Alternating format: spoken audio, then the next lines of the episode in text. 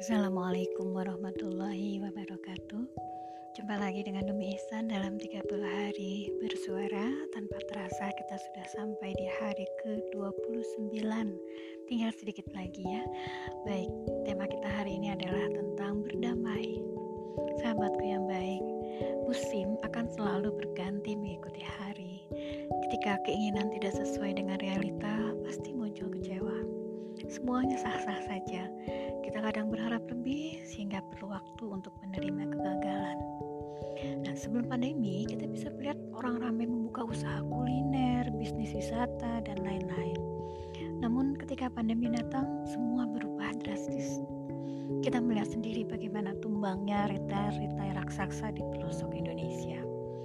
Apalagi dengan kita yang bukan siapa-siapa, ya bisa hidup dari hari ke hari saja sudah alhamdulillah. Dapur bisa mengepul sederhana saja kita sudah sangat bersyukur.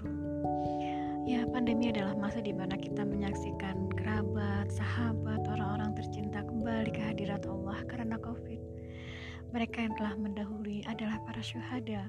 Semoga Allah melapangkan alam kuburnya. Amin.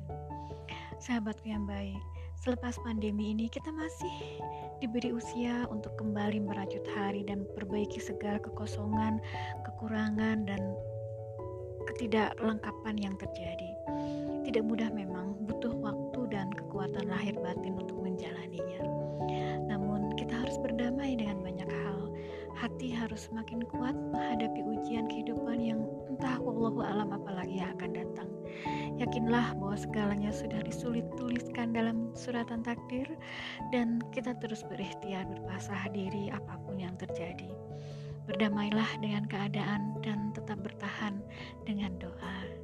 Terima kasih. Wassalamualaikum warahmatullahi wabarakatuh.